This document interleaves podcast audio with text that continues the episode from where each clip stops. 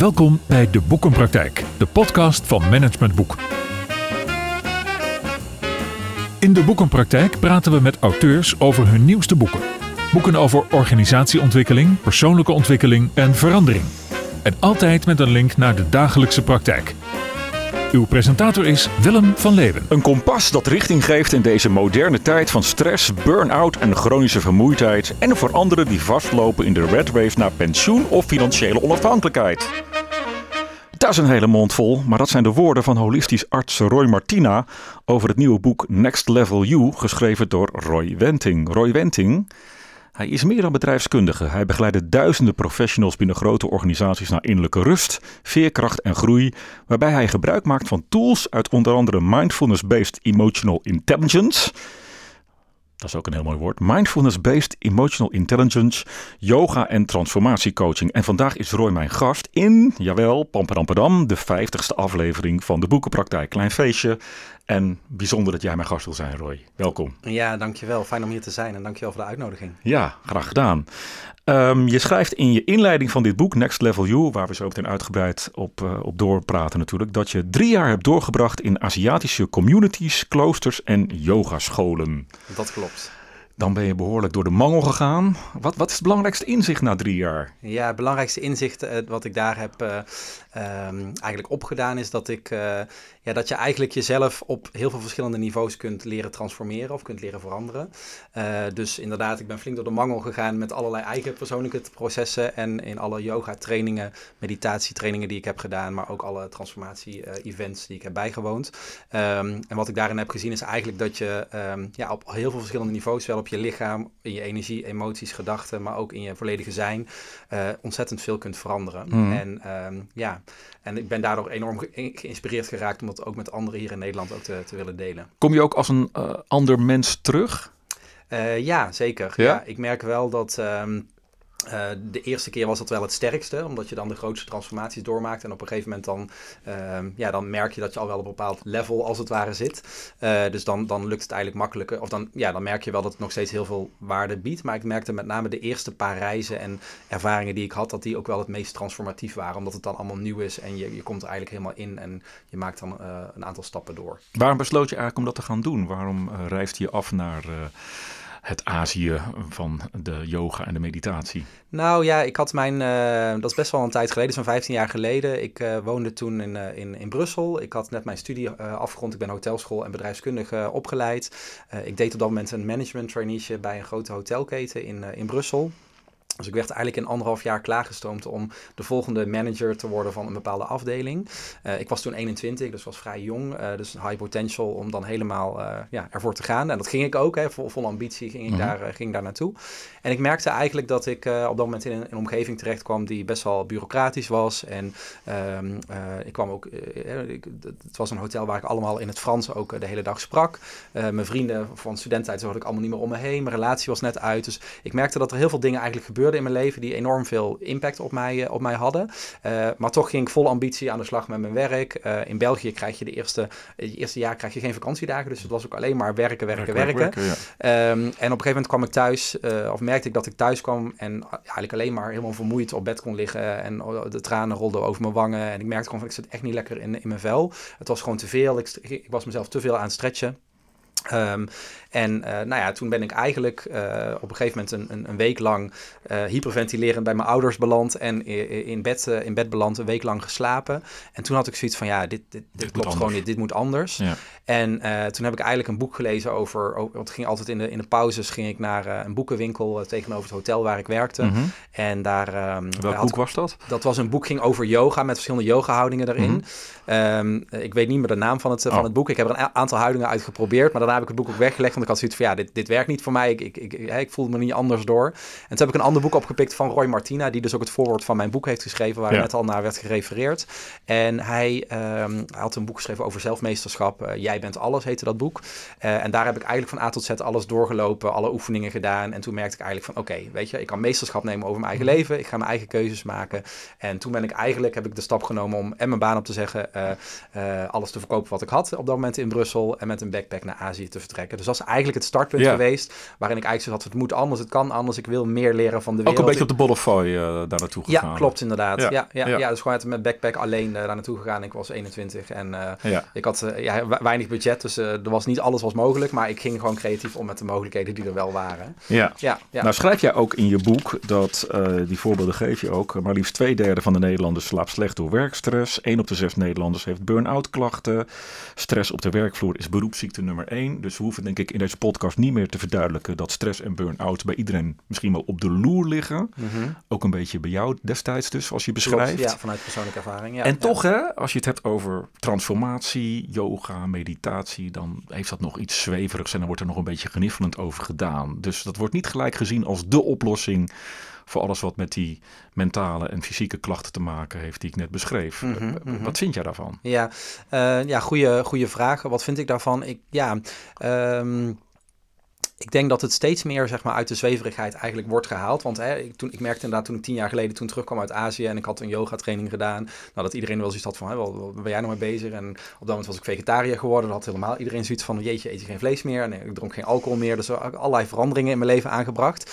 Um, dus uh, ja, dat was op dat moment, uh, vonden mensen dat wel een klein beetje raar. Maar ik merk nu zo'n ja, tien jaar later dat eigenlijk heel veel van die mensen die het toen allemaal raar vonden, die komen nu wel terug. Mhm. En die hebben zoiets van, oh ja, weet je, ik merk ook een aantal dingen. Ik zijn ook aanpassingen maken in hun leven. Dus uh, soms kost het gewoon even tijd voordat bepaalde dingen ook uh, ja, meer beklijven en meer normaal worden. Hè, als je bijvoorbeeld kijkt naar mindfulness binnen organisaties, dat ja, was tien jaar geleden best wel spannend om daarmee aan de slag te gaan. En nu zie je eigenlijk dat binnen best wel veel organisaties die ja, bewust bezig zijn met hun mensen, dat er, dat er gewoon mindfulness trainingen beschikbaar worden gesteld. Ja. En zo zie je eigenlijk ook dat uh, die andere aspecten op het gebied van welzijn, dat dat eigenlijk steeds meer ja, gemeengoed aan het worden is. En dat steeds meer mensen daar ook de relevantie van, uh, van inzien. En dat is ook een beetje het doel van jouw boek volgens mij. Hè? Dat je een brug wil slaan tussen zeg maar, die spirituele zelfhulpboeken en de managementliteratuur over stress en vitaliteit. Klopt. Waarom wil je dat? Ja, nou ja, omdat ik, uh, omdat ik merk inderdaad dat daar een klein beetje een gat uh, tussen zit. Hè. Dus enerzijds kun je inzicht krijgen over hoe kun je stress en vitaliteit hè, optimaliseren en hoe kun je daar als organisatie mee aan de, aan de slag.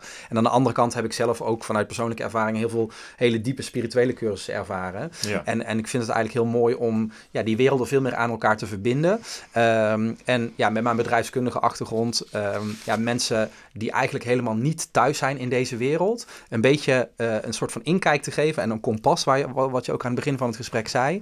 Um, om mensen uh, ja, een soort van handvaten te geven om aan de slag te kunnen gaan met, uh, met hun eigen, zoals ik dat noem in mijn boek, innerlijke evolutie. Dus eigenlijk innerlijke groei. Ja. maar wel op een hele praktische, toepasbare manier. Ook vanuit wetenschappelijke onderzoeken, vanuit praktische voorbeelden. Zodat mensen zich ook echt kunnen, kunnen snappen wat, er, wat je dan kunt veranderen in jezelf. Dat het ook bewezen is dat het kan. En ook wat, hoe dat dan gaat voelen en hoe je dat gaat ervaren. En daardoor probeer ik mensen echt heel concreet, stap voor stap, hand aan de hand eigenlijk mee te nemen. Om daar toch in dat onontgonnen gebied voor veel mensen om daar toch een klein beetje stapjes in te kunnen nemen. Nou, dat is je goed gelukt. Uh, je boek is eigenlijk een werkboek in dat opzicht. Hè. Het bevat tien hoofdstukken, geloof ik. En in ieder geval een tien weken durende challenge. Mag ook langer duren, maar per hoofdstuk en per item uh, uh, voorzie je minimaal een week om daar ook daadwerkelijk aan te gaan werken. Met verschillende levels van opdrachten. Komen we zo meteen even op. Maar misschien eerst toch maar even die eerste stelling. Stelling 1. Een overgrote meerderheid van de Nederlandse bevolking leeft onbewust en daarmee te ongezond. Eens. Vertel. Ja, ik denk dat, um, um, dat we in een maatschappij ondanks dat ik wel zie dat er veel veranderingen zijn. Ik denk dat, dat, er, dat een heel groot deel van de bevolking wel al bewust is dat ze bewustere keuzes kunnen maken op het gebied van voeding, op het gebied van slapen, op het gebied van eigen mindset en, en fysieke gezondheid. Um, maar ik, ik, ik, had er laatst een, een, een, in een bepaalde training ook over gehoord van ongeveer een derde van de bevolking is al bezig met uh, bewustwording, met uh, innerlijke groei en stappen nemen. Dus dat, is, dat, is, dat is al best wel veel. Ja. Maar dat betekent dat twee derde van de bevolking dat nog steeds niet aan het doen is en dus nog wel bepaalde ongezonde gewoontes uh, naleeft. Dus ik, zie wel ontzettend veel veranderingen in de maatschappij op dit moment plaatsvinden. Uh, en, en dat is alleen maar ten positieve. Maar ik zie ook nog wel dat een groot deel, ja, dat we daar echt nog wel verbetering kunnen aanbrengen. Dus ik ben het wel eens met die, met die stelling. Ja, um, je wil mensen leren in dit boek om hun eigen bewustzijns- en energieniveau hoog te houden. Hè? Ondanks zeg maar allerlei prikkels van buiten. Of dat nou de leidinggevende en het werk is met allerlei drukte of voeding, wat er allemaal zeg maar op ons afkomt. Hoe realiseer je dat? Hoe zorg je dat iemand daadwerkelijk, want het vraagt wel een soort van discipline Mhm. om ja, je, je, je voedingspatroon, je denkpatroon, je, mm, ja, je energiepatroon volledig te veranderen. Ja, ja, dat klopt. Ja, dat, dat is in- inderdaad, dat doe je niet, eh, niet, eh, niet in één dag. Ehm, dus daarom heb ik ook, ehm, pro- probeer ik mensen juist in het boek ook mee te geven van hoe ziet er dat dan uit? Hè? Een begrip te geven van hoe, ja, hoe, hoe kun je die stappen dan, dan maken, zodat ze het grotere plaatje snappen van hé, welke stappen kan ik nemen? Maar die stappen maak je niet allemaal in één keer. En daarom heb ik ook met die tien hoofdstukken in het boek, eh, in de vorm van een challenge, mensen uitgenodigd om langzaamaan kleine stapjes te nemen om wel al verandering te gaan aanbrengen. Ja. Om al eens te gaan kijken naar bepaalde aspecten in je voeding, om daar verandering in aan te brengen. Ja, bijvoorbeeld eh, de eerste week dan ga je aan de slag met eh, wat jij dan noemt een betere basis in je fysieke lichaam. Mhm. En dus met je voedingspatronen. En dan kan je op verschillende levels kan je zeg maar aan de gang gaan met je eigen challenge. Ja, ja. Maar ja, je bepleit eigenlijk geen alcohol, geen koffie, geen geraffineerde suikers, geen melk en geen vlees meer. Mhm. Toen ik dat las, dacht ik, dat is een levenslange rantsoen. wat wat, maakt het mensen- leven dan nog leuk? Voor sommige mensen misschien, eh, misschien wel. Ik heb zelf, eh, nou, ik heb lang wel vlees gegeten en alcohol gedronken. En ik merk eh, uiteindelijk dat, en nu ik het al heel lange tijd niet doe, dat, dat, dat ik eigenlijk gewoon heel veel fijne en lekkere alternatieven heb gevonden. En die zijn er echt volop, Ja. volop aanwezig. Dus in die zin geniet ik ook nog steeds volop van het leven. Dus dat is zeker, zeker mogelijk.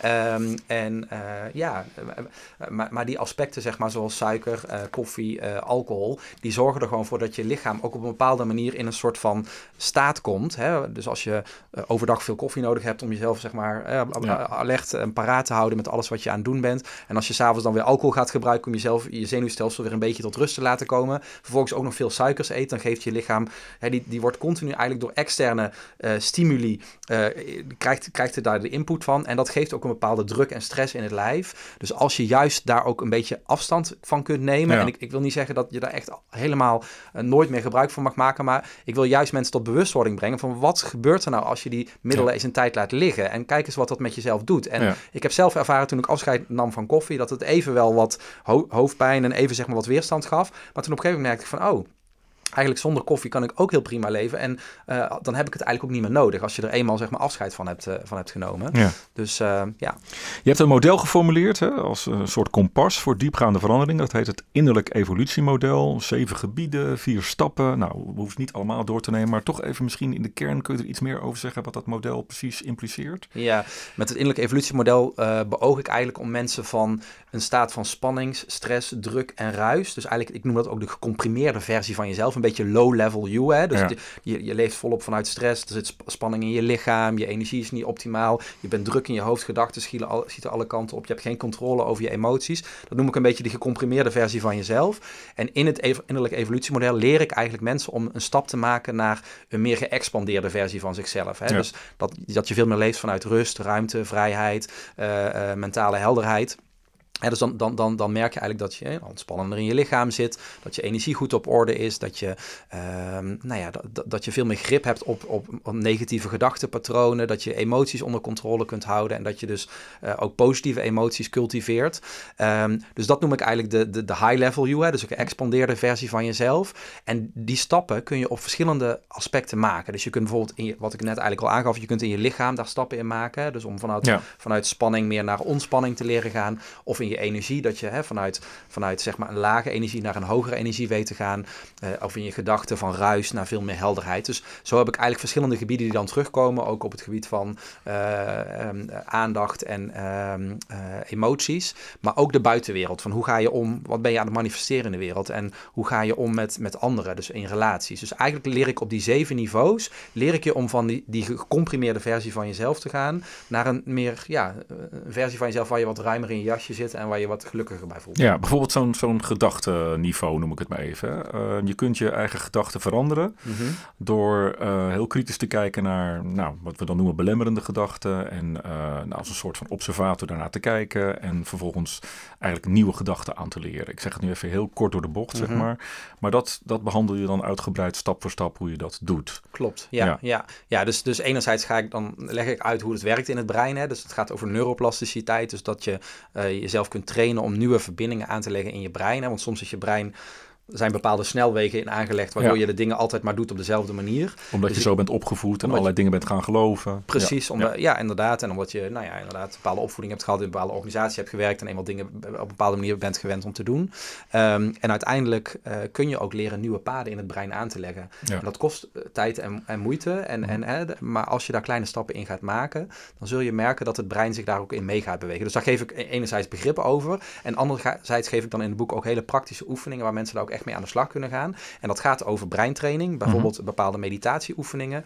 Uh, vanuit een app kun je daar dan, die bij het boek zit, kun je dan ook praktisch al daarmee aan de slag uh, gaan. Maar ik geef ook een aantal inzichten mee van, goh, ga eens nadenken over deze en deze aspecten. En als je dit en dit in jezelf tegenkomt, hoe ga je daar dan op een andere manier mee om? Dus ik geef ze ook mindset technieken mee om dan ook daadwerkelijk die shift te maken, los van die breintrainingsoefeningen die, ook, uh, die ik ook meegeef. En daarmee ja, verander je eigenlijk een beetje multidisciplinair. Dus je gaat enerzijds je brein trainen, maar anderzijds ga je ook praktisch aanpassingen maken in het dagelijks leven. Is dat nodig? Ik bedoel, even uitzoomend, is het nodig dat wij toch in Nederland een beetje anders gaan denken, anders gaan voelen?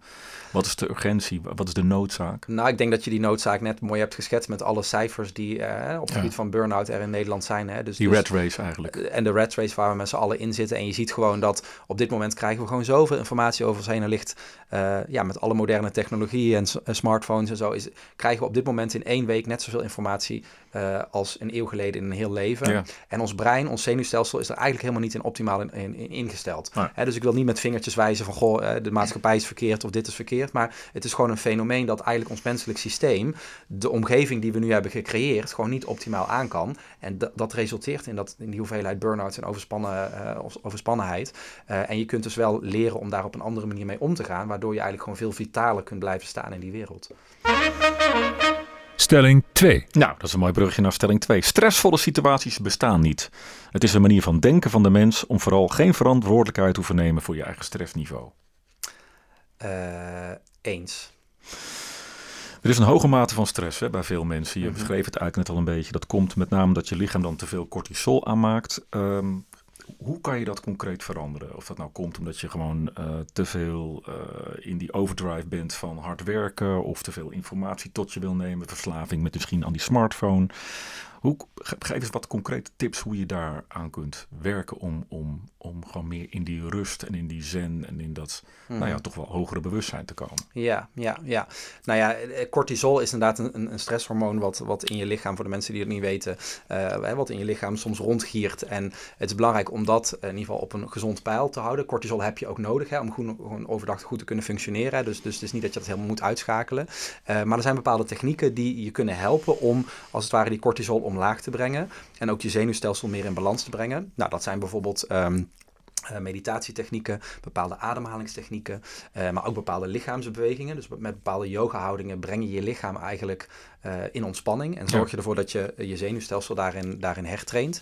dus dat zijn eigenlijk oefeningen die je als het ware op de mat of op je meditatiekussen. Ja, dat is wel leuk, want jij zegt over yoga. Alles wat je doet op de yogamat is eigenlijk een training voor het dagelijks leven. Klopt. Ja, dat is even een quote uit jouw boek. Ja, ja. Vertel. Ja, nou ja, eigenlijk wat je tegenkomt op de yogamat of in een yogahouding is eigenlijk een, een symbool voor hoe je omgaat met de dagelijkse situaties. En daarom ben ik het ook eens met de stelling. In die zin dat je dus eigenlijk gewoon ja, meer grip kunt leren krijgen op, je, op jezelf. Hè? Bijvoorbeeld als ik op de yogamat sta of met mijn deelnemers op een yogamat sta dan komen ze soms, ik, in de houdingen die ik doe, die houden ze soms ook echt twee, drie, vier minuten aan. En op een gegeven moment komt er dan enorme weerstand komt, uh, komt erop. Of het, systeem schiet gewoon in de stress. En als jij op dat moment je lichaam leert om te ontspannen, in, oog in oog met de stress die je letterlijk in je lijf ervaart, dan ga je dat ook in dagelijkse situaties herkennen. Van, oh ja, ik voel nu stress of spanning rondom een situatie, op je werk of in je privéleven.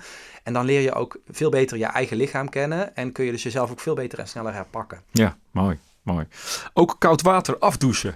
Populair, hè? De Wim Hof methode natuurlijk is uh, in zoom gekomen. Mhm. wat, wat heeft dat voor effect als we meer onder die koude douche gaan staan? Ja, dat heeft voor het effect ook dat je um, nou ja, tweeledig, of eigenlijk meerdere aspecten komen daarin uh, naar voren. Enerzijds leer je je zenuwstelsel trainen om te ontspannen in de in de spanningssituatie. Hè? Want als jij een koude bak water of een koude douche over je heen krijgt, um, begint je ademhaling dan, dan gaat je ademhaling omhoog, gaat je stressniveau gaat omhoog. Dus je leert jezelf, als je dan met ademhaling zeg maar jezelf leert te ontspannen in die houding, dan is dat eigenlijk ook weer een training, net zoals een yoga houding op de, op de mat.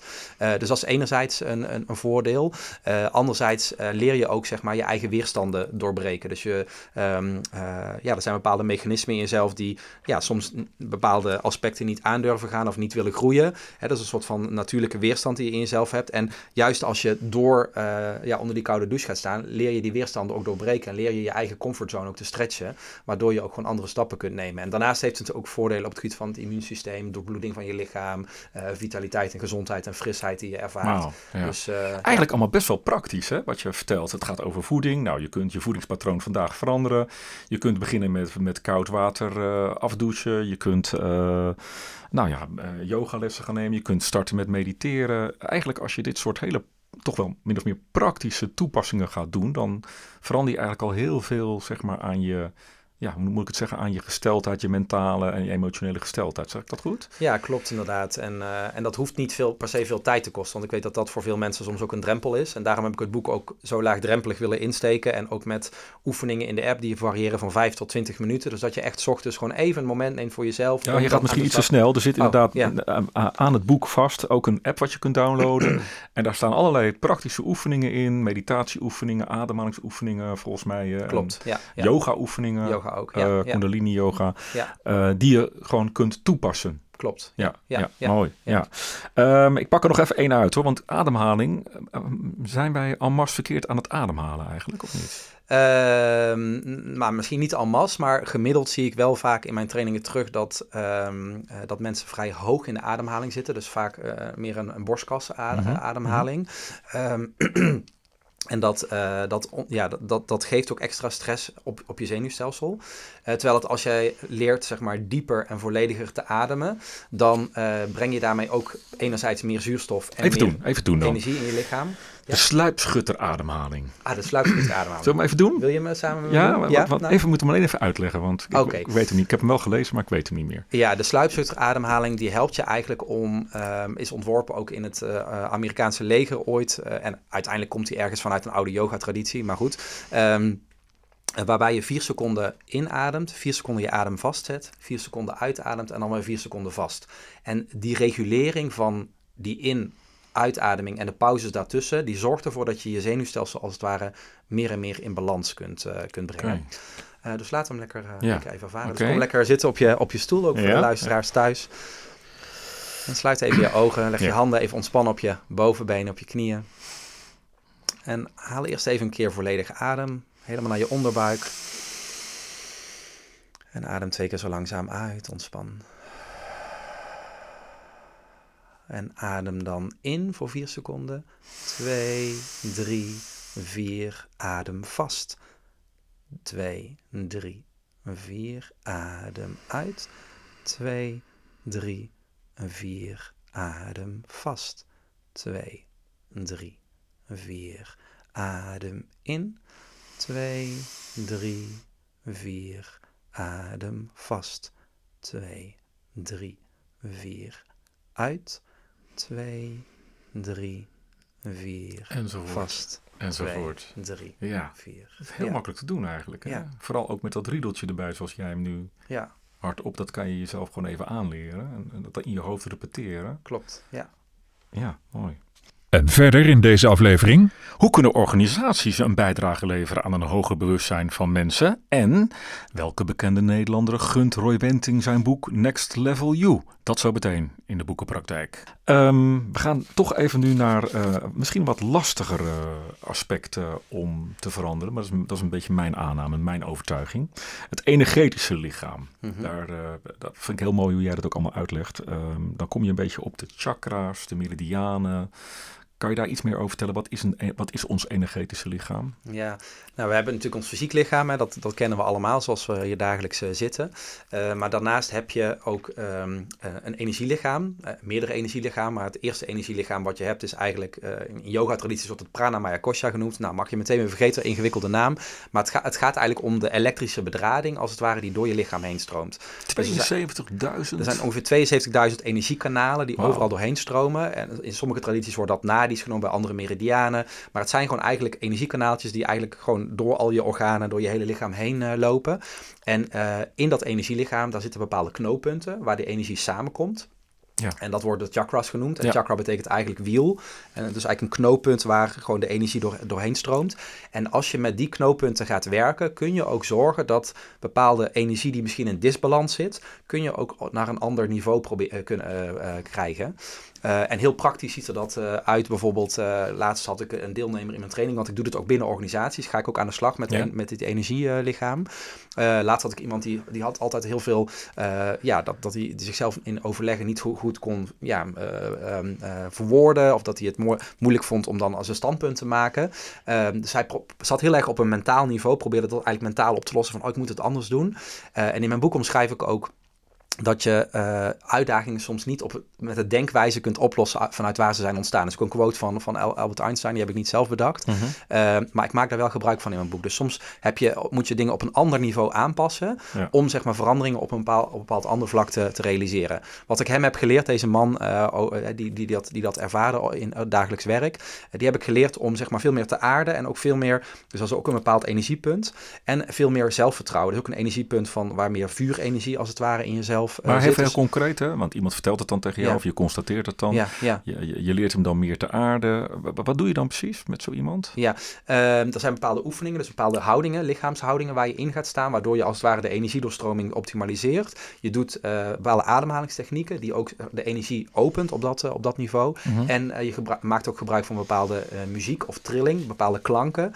die zorgen ook voor dat je die energie op een bepaald niveau beter kunt, kunt openen. Ja.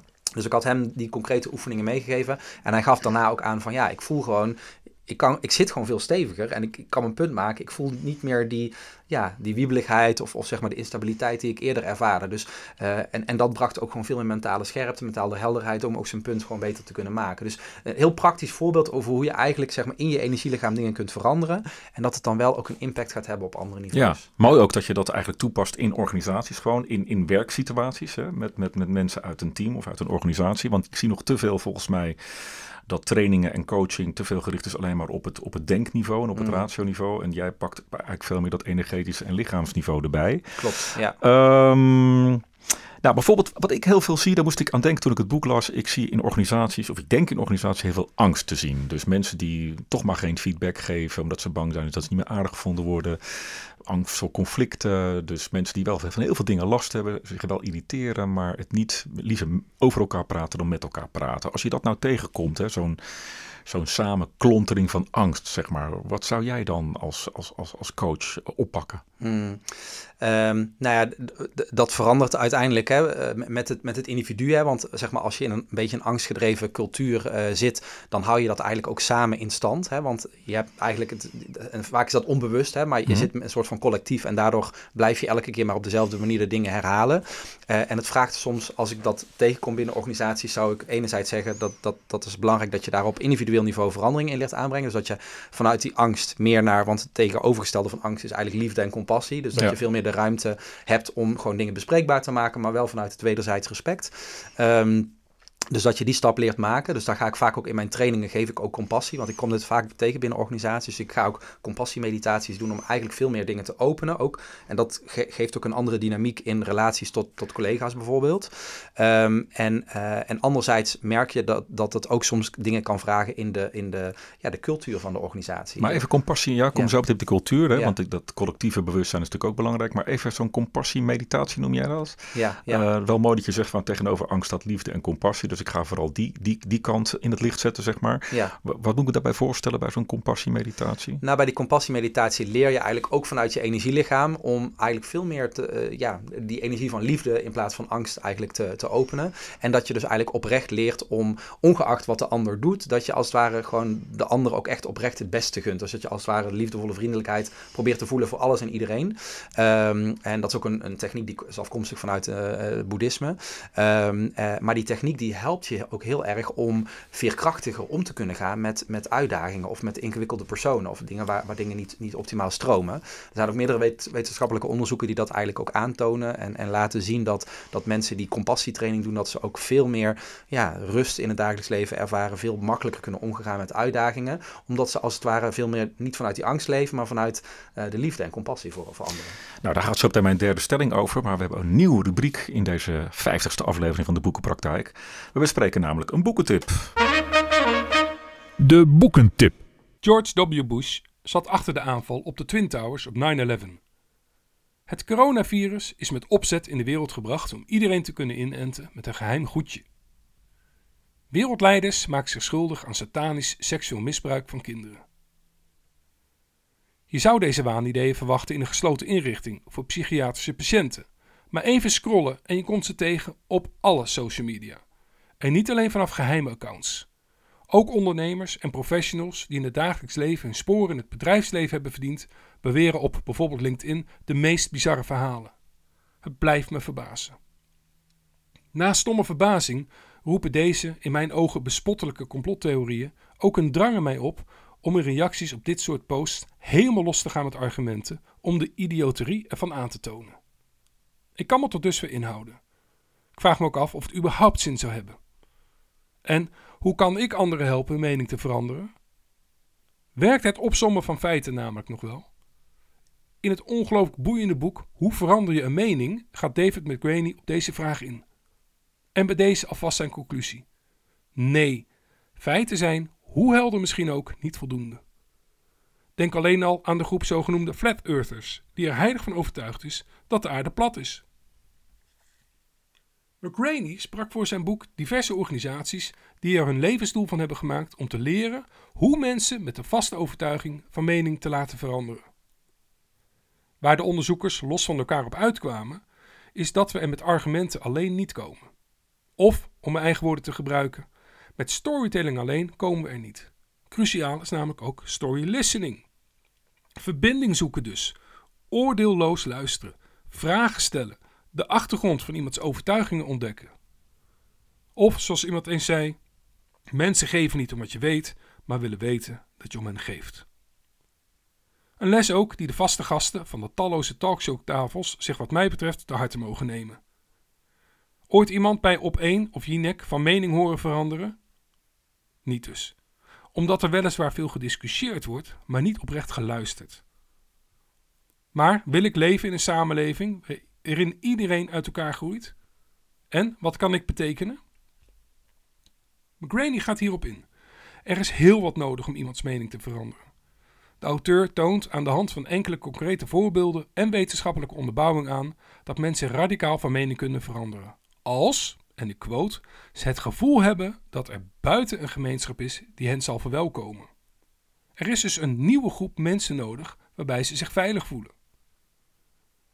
De vraag waar McGraney zijn boek mee afsluit is misschien nog wel het meest interessant. Waarom willen we überhaupt iemands mening veranderen? Vraag je af, waarom is dat belangrijk voor mij? Wat je antwoord ook is, stel de vraag opnieuw. En nogmaals, zo stelt hij. Misschien kom ik uiteindelijk dan wel tot dezelfde conclusie zoals René van der Gijp die al jaren aan zijn praattafel verkondigt. Laat toch lekker gaan, joh.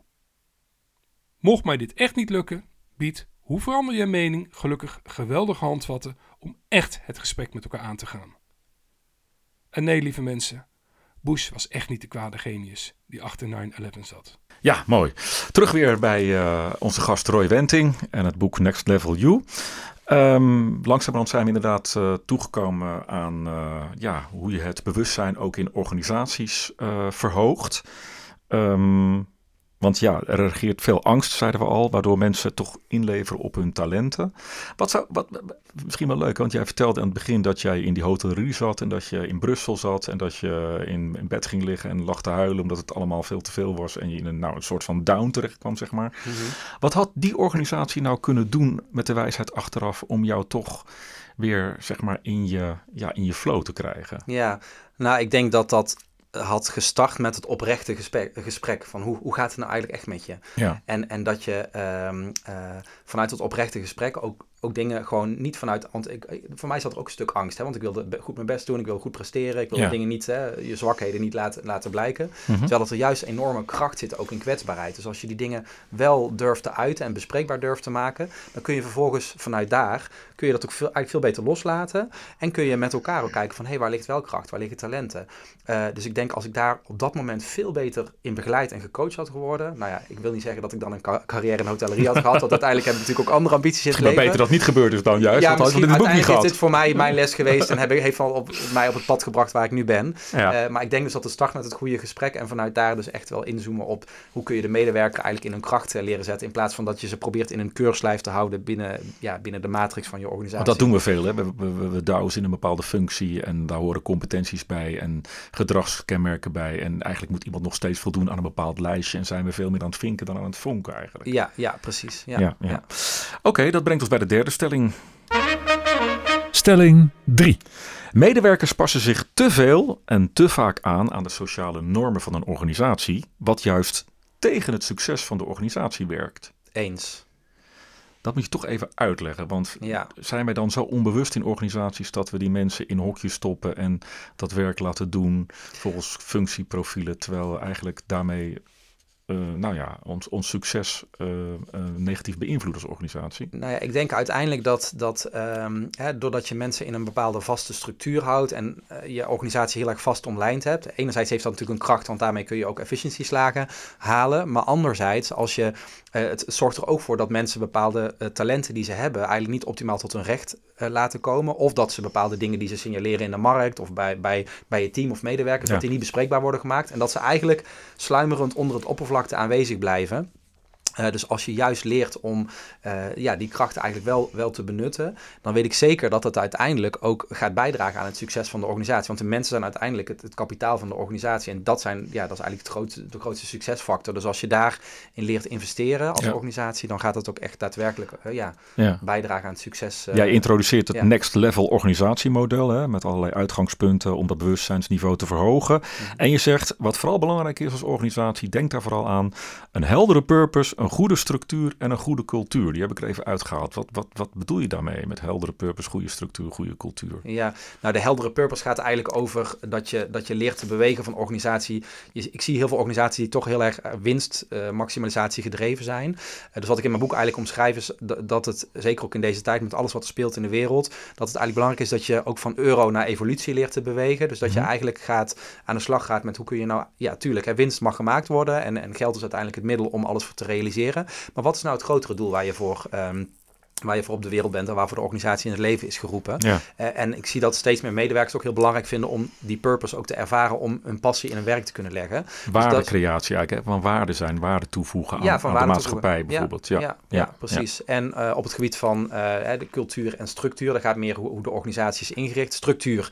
In mijn boek omschrijf ik eigenlijk ook van dat, dat, je, dat het belangrijk is als organisatie dat je leert te bewegen van meer vaste lijnen naar vrijheid. Daar hebben we het eigenlijk net ook een klein beetje over gehad. Hè, dat als je mensen veel meer in hun kracht leert zetten, dat ze dan eigenlijk ook andere dingen kunnen laten zien die uiteindelijk in het collectief van de organisatie ook goed gaan bijdragen. Mhm. Uh, en anderzijds op cultuuraspect zie ik vaak hè, in, die, in meer die angstgedreven culturen, die zijn vaak ook vrij competitief. Hè, dus dan een beetje de elleboogcultuur. Iedereen probeert zijn positie goed te bewaken en ja, een beetje haantjesgedrag. Maar uiteindelijk eh, gaat dat vaak, staat dat ook een beetje haaks op de productiviteit en het daadwerkelijke succes van de organisatie. En in mijn boek omschrijf ik eigenlijk ook hoe je dus veel meer kunt bewegen naar een compassievolle uh, cultuur. Waarin je dus veel meer vanuit het welzijn van de mensen gaat kijken. Hoe kun je elkaar in de kracht zetten en hoe kun je er ook oprecht voor Heb je elkaar een voorbeeld zijn. van zo'n, van zo'n organisatie in Nederland waar dat prima geregeld is op dit moment? Ehm, ja, ik heb al een aantal organisaties waar ik, eh, waar ik werk eh, heb verricht. Ehm, nou, ik, ik heb, recent heb ik voor, eh, voor, voor Lightyear ook training gegeven. Dat is nu een organisatie ook een beetje in, in opspraak. Lightyear? Lightyear, ja, dat is een, een auto die op zonne-energie Oh ja. rijdt. Dat is nu zeg maar, er is even een, ze zijn nu bezig met een doorstart. Hè, want het, het, het grote bedrijf is, staat nu even niet meer, eh, niet meer overeind, wat ik, eh, wat ik heb eh, begrepen. Maar zij zijn wel, ehm, eh, vanuit de organisatie die ik daar heb gekend, die zijn heel erg bezig met een evolutief doel. Dus eigenlijk het, het, het daadwerkelijk zeg maar, de wereld willen veranderen om auto's op zonne-energie in de wereld te zetten. En ik zag ook in het DNA van de organisatie, in het DNA van de mensen dat ik daar zag, dat het er ook op, ja, dat, dat het oprecht ging om het kwalitatief goed product. Maar, Maar dat snap ze ik ook, dat nog wel. Ik snap nog Ja. wel dat, dat, dat, dat, dat er organisaties zijn die een bijdrage willen leveren aan milieu en, en, en, en maatschappij, hè, Mhm. Zonne-energie. Mhm. Ehm, wat ik alleen vaak zie, of denk te zien in organisaties, is dat die leider, dat leiderschap nog heel erg gericht is op controle en beheersing. Dus dat de manier waarop we met elkaar omgaan, dus dat is even los van die waardecreatie, maar meer misschien de- dan toch die cultuur, Ja, die is vaak nog zo benauwend. Die is vaak niet zo open en, en ja, die gaat niet zo heel, heel erg uit, vind ik, van, van vertrouwen, maar zelfs een beetje van wantrouwen. Ja, ja, ja. Nou ja, je ziet eigenlijk dat als je daar, daar meer openheid in zou kunnen creëren. In mijn boek eh, refereer ik daarin naar eh, de turquoise organisatieprincipes van Frederik Laloux. Ja. Ehm, en, en dat gaat eigenlijk veel meer over eh, dat je mensen in de heelheid kun- gaat zetten. En dat je dus, dat gaat om, om welzijn bevorderen van, van mensen. Maar ook dat je, dat je mensen zeg maar oprecht de beste versie van zichzelf wilt, wilt laten, laten zijn. En dat je daar ook tijd en ruimte voor maakt binnen, binnen je organisatie. En dat gecombineerd met een, met een doel zeg maar, wat bijdraagt aan een groter, groter geheel. Dat is wel een beetje zeg maar, waar, waar mensen, zeker de nieuwe generaties die binnen organisaties eh, binnenkomen, Ja. ook echt, echt blij van eh, worden. Ja. Ik had iemand verwacht toen ik het boek gelezen had, die heel zen en heel rustig praatte. Maar je bent wel een turbo als je eenmaal eh, aangaat, jij hè? Ja, nou ja, ik, eh, er zit wel energie achter het boek Ja. ook. eh, dus, ja, dus ja, ik kan er heel erg de diepte ingaan. En, en tegelijkertijd vind ik het ook heel mooi om de passie wel te delen. En daar zit dan ook energie op. Ja. Ja. Welke Nederlander, een beetje tot slot, welke bekende Nederlander gun jij nou met name dit boek als het gaat om Next Level You op individueel niveau? Ehm, nou, de eerste die binnenkomt is, is, is Mark Rutte. Ja, ik moest ook even denk- denken aan, eh, aan al die politieke debatten die je ziet, waar het alleen maar ego-gedrag is en eh, Ja, vliegen ja. afvangen. Ja, eh, natuurlijk voor, voor een deel eh, is eh, nou ja, politiek bepalend in hoe dingen gebeuren, maar voor een deel ook grote organisaties. Ja, daar, daar ben ik ook met name. Maar wat zou Mark moeten leren, jij, uit dit boek met name? Ehm, nou, ik denk inderdaad dat het dan echt, ja, dan is het niet zozeer op next level organisaties, maar meer een next level maatschappij. Dat we, dat we leren kijken van, goh, hoe kunnen we nou eigenlijk integraal zorgen voor het welzijn van mensen?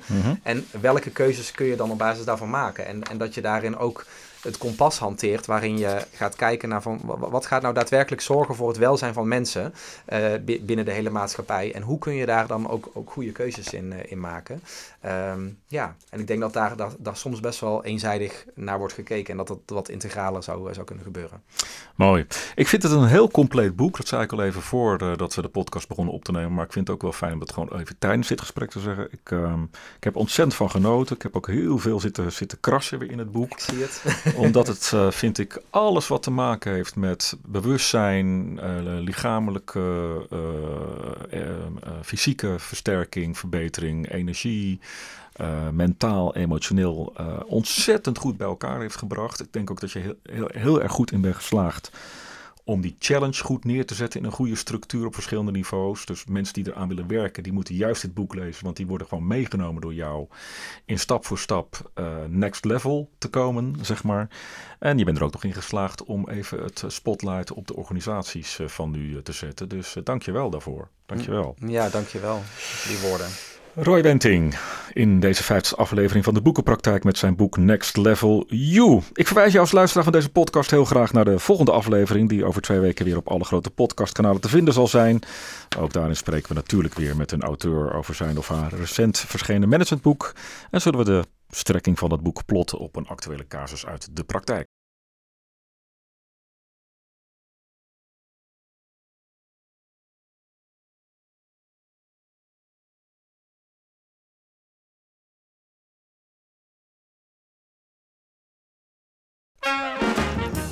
Rest mij je hartelijk te danken voor het beluisteren van deze podcast. Heb je vragen, opmerkingen of suggesties? Mail dat dan SVP naar info.managementboek.nl